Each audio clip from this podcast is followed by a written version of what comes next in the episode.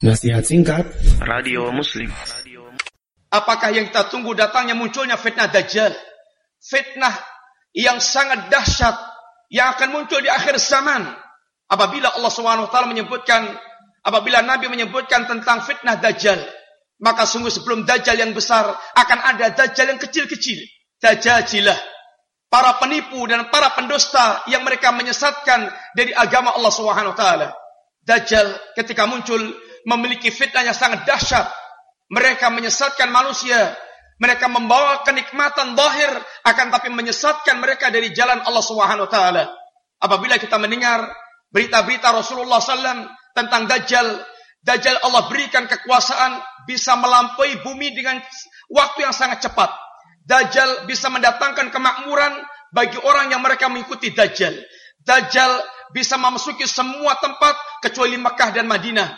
Dajjal memiliki sungai dan memiliki api. Sungainya adalah api, apinya adalah sungai.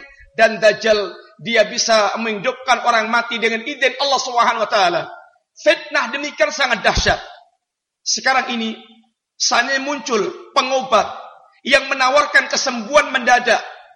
Maka kita akan yakin berapa banyak orang mereka terfitnah dengan para penyembuh seperti ini tanpa peduli Apakah dia harus kafir atau musyrik tanpa peduli. Sehingga Allah, sehingga Rasulullah katakan ingatkan kepada kita, sebelum datangnya fitnah demikian, hendaknya kita memiliki penjagaan. Satu di antara yang akan menjaga kita, yaitu ilmu. Dikatakan Nabi, ketika fitnah Dajjal muncul, ada seorang pemuda yang termasuk pemuda terbaik. Ketika Dajjal mengeluarkan, menunjukkan atraksi-atraksi kehebatannya, maka pemuda ini pun tidak terkecoh dan dia mengatakan ashadu annaka dajjal alladhi hadatsana Rasulullah SAW hadithahu. Saya yakin dengan seyakin-yakinnya saya bersaksi Anda adalah dajjal seperti yang disampaikan dalam hadis Nabi SAW. Para bapak sekalian dan para ibu perhatikan bagaimana pemuda ini selama dari fitnah yang terjadi. Karena dia memahami ilmu, sehingga dengan ilmu orang akan bisa membedakan mana yang fitnah, mana yang hak, mana yang batil. Kita akan bisa membedakan.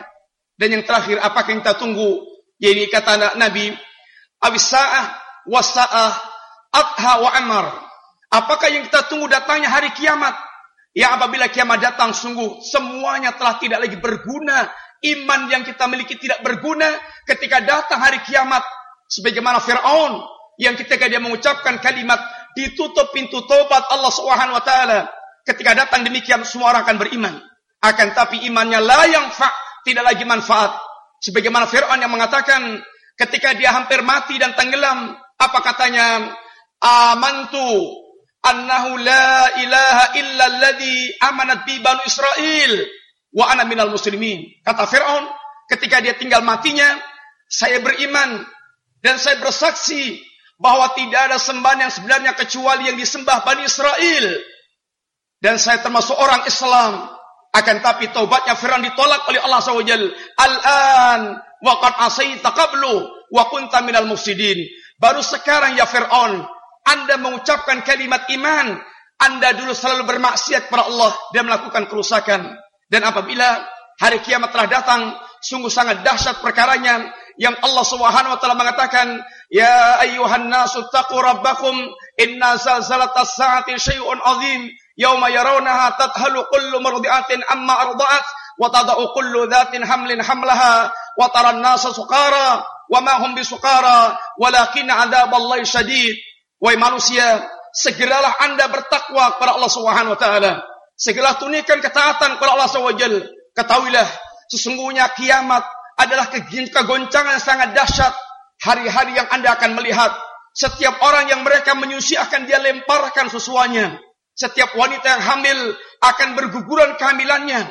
Dan akan Anda lihat manusia semuanya bagikan orang mabuk sempoyongan. Bukan karena mereka mabuk.